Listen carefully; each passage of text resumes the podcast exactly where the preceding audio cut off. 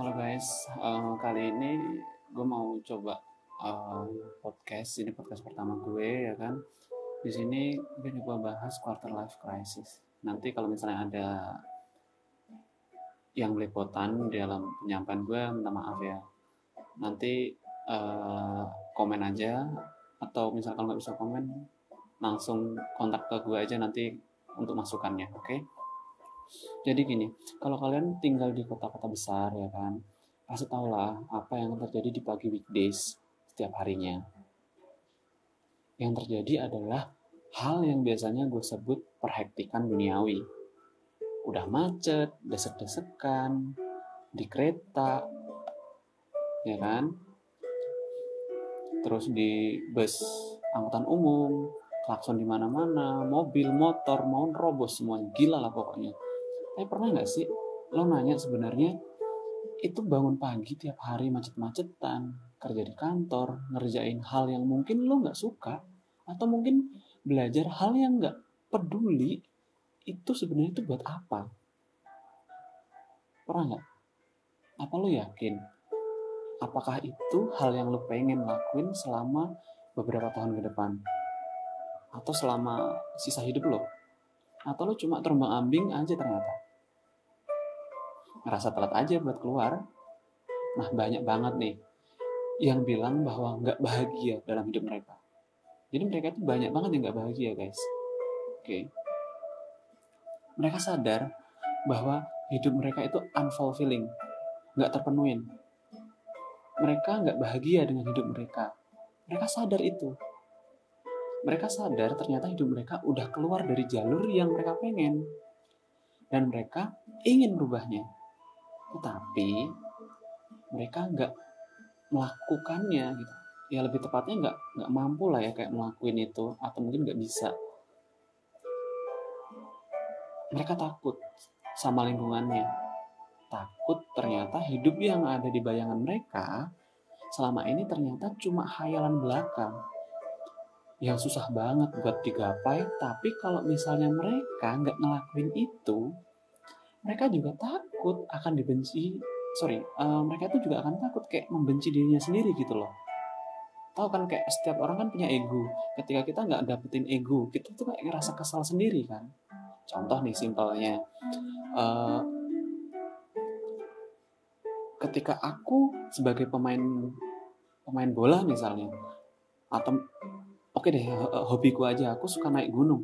Aku kalau nggak sampai puncak itu rasanya kayak gimana gitu kan? Ya nggak sih kayak gitu. Jadi kayak essentially kayak kita itu tuh hilang kayak jadi bukan diri kita sendiri. Essentially kayak akhirnya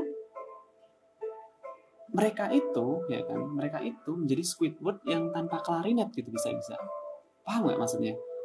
Yang hilang harapan gitu kayak hilang impian gitu. Nah oke. Okay. yang ngerasain hal yang udah gue sebutin tadi ya kan? Surprise lo udah masuk dalam fase pertama dalam life crisis atau KLC atau ya per, seperempat hidup lah krisis dalam seperempat hidup tapi gue lebih tepat lebih suka dalam menyebut bahasa Inggris lah ya quarter life crisis gitu tapi tenang oke okay? dalam podcast ini gue berusaha ngebuat kalian ngerti sama apa yang kalian hadapin kenapa kalian ngadepin quarter life crisis dan hal apa yang lo bisa mulai bahkan hari ini buat nyelesain kasus quarter life crisis ini. Oke. Okay. Oke okay, ya. Quarter life crisis itu adalah krisis emosional di rentang umur 20 sampai 30 tahunan lah yang melibatkan rasa terisolasi perasaan yang gak pantas, meragukan diri, gak pede, dan biasanya ditemenin sama ketakutan terhadap kegagalan gitu. Biasanya fase ini lo akan ngerasa nggak aman, ragu, dan muncul rasa ke kekecewaan. Asyik, dah. Rasa kekecewaan nggak cuman sama karir doang, tapi bisa jadi di hubungan-hubungan pribadi lo misalnya sama pasangan lo lah, sama keluarga lo, sama teman-teman lo, gitu. Bahkan juga di kondisi keuangan gitu. Dan hal yang lainnya dan hal-hal yang lainnya juga. Oke. Okay? Jadi kenapa sih sebenarnya kita ngalamin ini, oke. Okay. Karena ada beberapa hal sih yang menurut aku itu tuh secara signifikan meningkatin resiko lo ngerasain quarter life crisis ini. Gini, gue coba bahas dari hal yang paling dasar dulu. Oke? Okay? It's your dream. Ini mimpi lo. Ini tentang mimpi lo. Yang sebenarnya menyebabkan itu. Yang yang menyebabkan quarter life crisis ini, oke? Okay? Itu yang gue maksud itu quarter life crisis, oke? Okay? Ini terjadi karena dua hal yang lo lakukan dan tidak melakukan sebenarnya yang pertama lo nggak secara serius.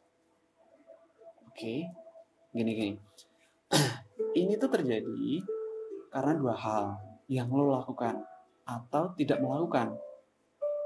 Oke. Okay? Yang pertama, lo nggak serius dalam mikirin mimpi-mimpi lo.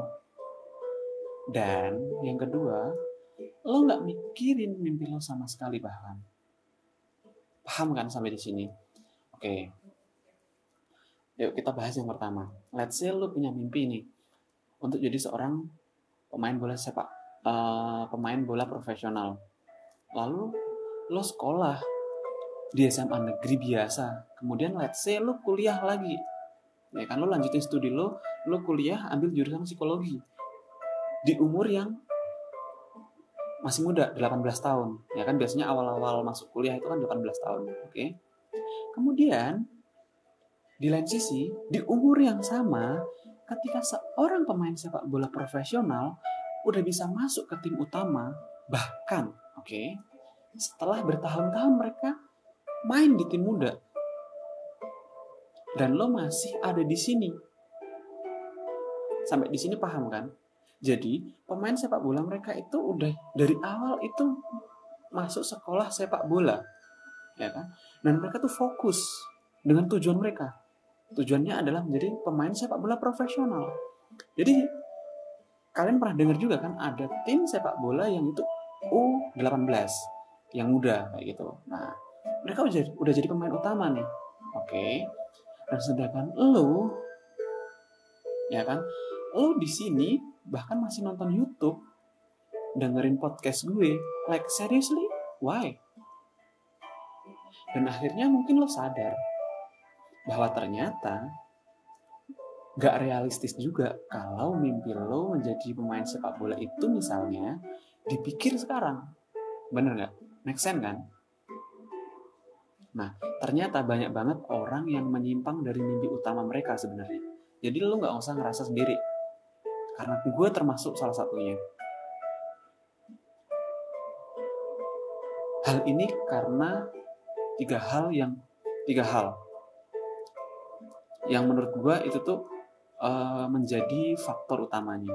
Yang pertama, mereka ngerasa udah telat buat ngejar mimpi atau goals mereka, goals kita lah gitu kan. Yang kedua, mereka nggak siap dengan resiko ketika kita mengejar itu.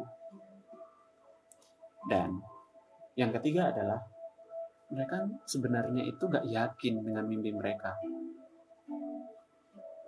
Oke, okay. paham kan? Oke. Okay. Nah, ketiga hal ini yang akhirnya membuat mereka itu ngikutin jalan yang menuntut mereka untuk lebih realistis dalam keadaan mereka sekarang. Paham kan?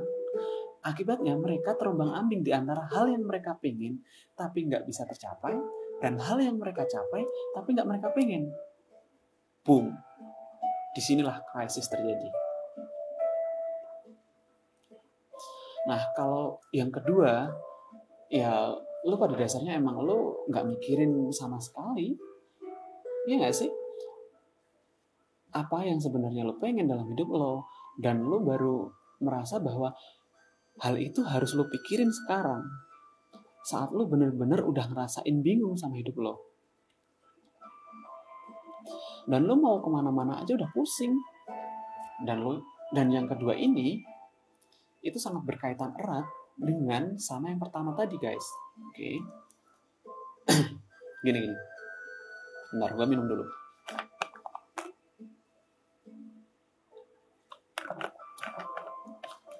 faktor resiko yang kedua ini adalah lo itu overwhelmed by choice. Coba lo perhatiin aja deh. Zaman sekarang itu berbagai pilihan ini itu dengan mudahnya lo bisa temuin di kehidupan lo. Faktor terbesarnya menurut gua adalah perkembangan teknologi, terutama internet dan pergaulan lah mungkin, ya kan? Tapi menurut gue faktor utama adalah teknologi terutama internet itu mulai dari pilihan mau lanjut kuliah di mana, kerja di mana, lo ngejar duit, apa pengalaman dulu dari pekerjaan lo, dan banyak pilihan lainnya. Dan dari sekian banyak pilihan tersebut, kelihatannya itu semuanya menggoda, guys. Ya nggak sih?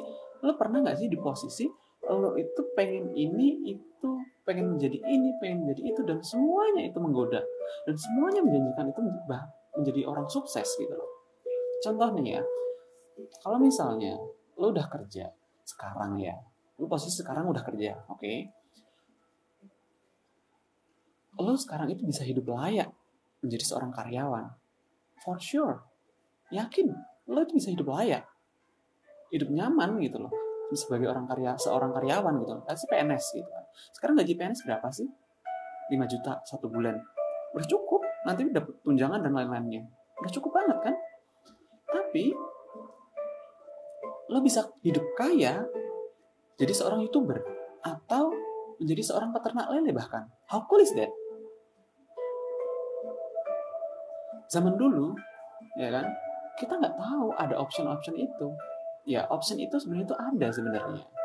Ya mungkin kalau jadi youtuber akhir-akhir inilah ya belum dulu belum ada gitu kan. Tapi kalau misalnya apa dulu kita belum terpapar terhadap pilihan sebanyak ini gitu loh. Kita taunya ya hidup itu satu jalur. Dan misal kalau kayak gitu kan gampang ya nggak sih? Kalau satu jalur kan enak kita nggak perlu banyak pilihan gitu loh. Contoh uh, orang tua kita dek besok kalau kuliah jadi PNS dek besok kuliah jadi dokter misalnya. Dek besok kuliah jadi uh, apa ya uh, insinyur misalnya yang kayaknya udah terjamin udah terjamin gitu. Kehidupannya udah terjamin uh, hari tuanya udah terjamin. Atau mungkin yang di desa aku atau mungkin tempat-tempat aku itu dek besok lulus SMA daftar polisi ya daftar tentara ya. Jadi ya mereka nggak mau ngambil banyak resiko karena ya itu resikonya kecil gitu tapi pernah nggak sih orang tua lo dek besok kalau lulus jadi youtuber ya dek besok kalau lulus jadi jadi traveler ya atau mungkin jadi konten kreator atau mungkin jadi artis, performance, atau yang lain selain sebagainya. Yang menurut aku itu lebih challenging gitu. Tapi kembali lagi itu adalah mungkin karena perbedaan dari gap, ya kan? Karena gap generation dengan orang tua kita. Tapi balik lagi lah ke topik, oke? Okay? Jadi gini, kalau hidup itu satu jalur kan enak, ya kan? Kan gampang. Lo tinggal ikutin aja jalur itu. Jalur itu membawa lo ke mana terserah. Tapi sekarang pilihan ada di mana-mana, gitu masalahnya. Yang mana lo pilih, nggak tahu juga itu tergantung sama lo nah itu yang kedua kemudian nih yang ketiga adalah konflik kepentingan konflik kepentingan yang mana? It's you versus the world. Itu kamu versus dunia. Lo mau jadi pengusaha nih misalnya oke? Okay? sorry. Misalnya lo mau jadi peternak lele. Macam Anya Geraldine. Lo tahu kan Anya Geraldine mau jadi peternak lele? Dia seorang peternak lele guys. Orang mau bilang apa coba? Oke contoh yang lain misalnya apa ya uh, orang tua lo akan bilang apa nih kalau misalnya lo tiba-tiba resign dari kerjaan sekarang dan lo bilang ke mereka gue suka usaha lele dan gue mau jadi lele jalan hidup gue sih pada akhirnya kita memang harus mengakui bahwa nggak semua orang akan setuju dengan ide dan keputusan yang lo buat itu. Oke. Dan lo harus sadar ini dan lo harus paham. Lalu apa Bentar. Lalu apa kamu bisa menahan malu ketika let's say lo ngikutin apa yang benar-benar lo pengen dan ternyata lo gagal? Apa lo bisa tahan ketika orang bilang di depan muka lo sendiri. Nah, gue kan, gue kata apa kemarin Han? Gue kan udah bilangin ke lo. Han, dibilangin kemarin tuh ngeyel sih. Jadi seperti ini kan. Sih, banyak orang yang nggak tahan untuk diperlakukan seperti itu guys. Ini membuat mereka tidak melakukan apa yang harus mereka lakukan kalau menurut gue, ya kan? Untuk mencapai hidup yang benar-benar mereka inginkan. Dan apa yang terjadi, mereka terombang-ambing dalam uh, dengan hal yang mereka inginkan dan hal yang harus mereka lakukan untuk menyenangkan semua orang. Boom. Crisis again, dude. Jadi gimana nih?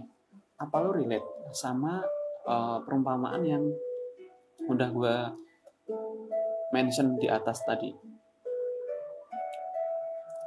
Tapi yang perlu diingat nih sebenarnya, quarter life crisis ini sebenarnya itu normal banget. Normal banget sebenarnya. Bahkan beberapa ilmuwan psikologi menganggap bahwa fase quarter life crisis ini tuh justru ada dampak positifnya. Iya. Kalau menurut gue sebenarnya lo itu mungkin butuh krisis. Kalau misalnya lo kena quarter life crisis ini, loh kok bisa? Ya kan? Ya karena lo bisa berkembang gitu loh. Lo itu bisa keluar dari zona nyaman lo lo itu bisa ber, seolah-olah kayak benar-benar berevolusi gitu loh berarti dari ulet terus lo jadi kupu-kupu gitu loh. Jadi kepompong terus kupu-kupu. Nah quarter life crisis ini menurut gue adalah kepompongnya itu kan? Dari banyak orang ya kan yang gue pernah ngobrol yang punya masalah sama mungkin mungkin lo memang masih butuh eksplorasi aja sih. Lebih lanjut terhadap soal hidup lo, apa yang lo pengen, apa sih life purpose lo gitu. Lo nggak pernah punya ide soal itu, makanya sekarang lo bingung, ya kan? Nah, mungkin lo harus mulai menganalisis sampai akhirnya memutuskan mau langkah mana yang lo mau. Tetapi gini, jadi anggap aja kalau misalnya krisis yang lo rasakan ini gini. Yang lo ras apa uh, misalnya nih krisis lo ngadapin krisis ini sekarang ya kan. Lo anggap aja krisis ini itu sebagai pengingat macam checkpoint gitu loh. Saatnya lo untuk benar-benar mikirin apa yang lo mau dan gimana caranya lo dapetin itu.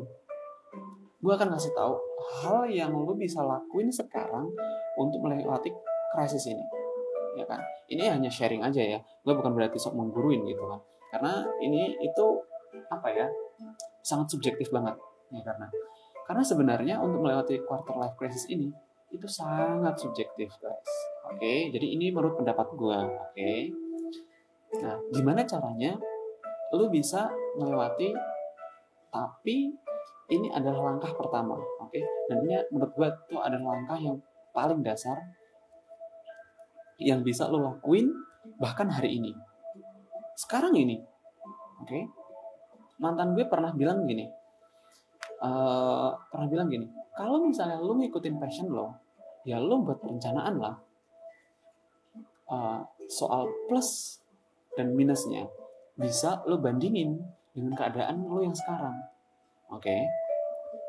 kita akan coba, ya kan, melakukan itu ya kan? Kita akan coba melakukan itu.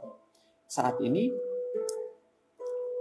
saat ini juga lo ambil kertas, terus coba tulis hal apa yang lo mau capai dalam 3 sampai 5 tahun ke depan.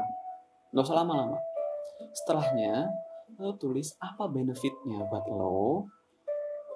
Oke, selanjutnya lo tulis rintangan apa aja sih yang bakal lo hadepin sekarang Oke, dan nanti untuk mendapatkan hal itu dalam ini goalsnya, mimpinya yang lo tulis itu tujuan tujuan hidupmu itu tuh bakal ngadepin masalah apa gitu lo tulis, oke. Okay. Dan yang terakhir adalah apa apa yang lo harus lakuin setiap harinya untuk mencapai target itu. Nah ini adalah habit ya guys. Ini lo berusaha merubah habit lo secara perlahan jadi kesimpulannya gini, wish lo itu apa ya kan mimpi lo apa benefitnya buat lo apa obstacle-nya apa dan plan-nya kayak gimana gampang banget ya tapi ini bakal ngebuat lo bener-bener aware sama apa sih yang lo hadepin sebenarnya dalam hidup lo sekarang. Dan gimana caranya misalnya lo mau mencapai apa yang bener-bener lo pengen. Itu sih mungkin kalau apa uh, pendapat gue tentang quarter life crisis dan gimana caranya ngadepinnya. Oke, okay. tapi mungkin uh, karena quarter life crisis ini subjektif banget, ya kan? Setiap orang kan punya pendapat beda-beda. Mungkin kalian lo punya ide lain gimana caranya ngadepin quarter life crisis ini versi lo, oke? Okay? Silahkan, ya kan? Bisa di-share ke gue dan share sama yang lain. Kita belajar bareng, oke? Okay? Terima kasih dan sampai jumpa di next episode. See you guys.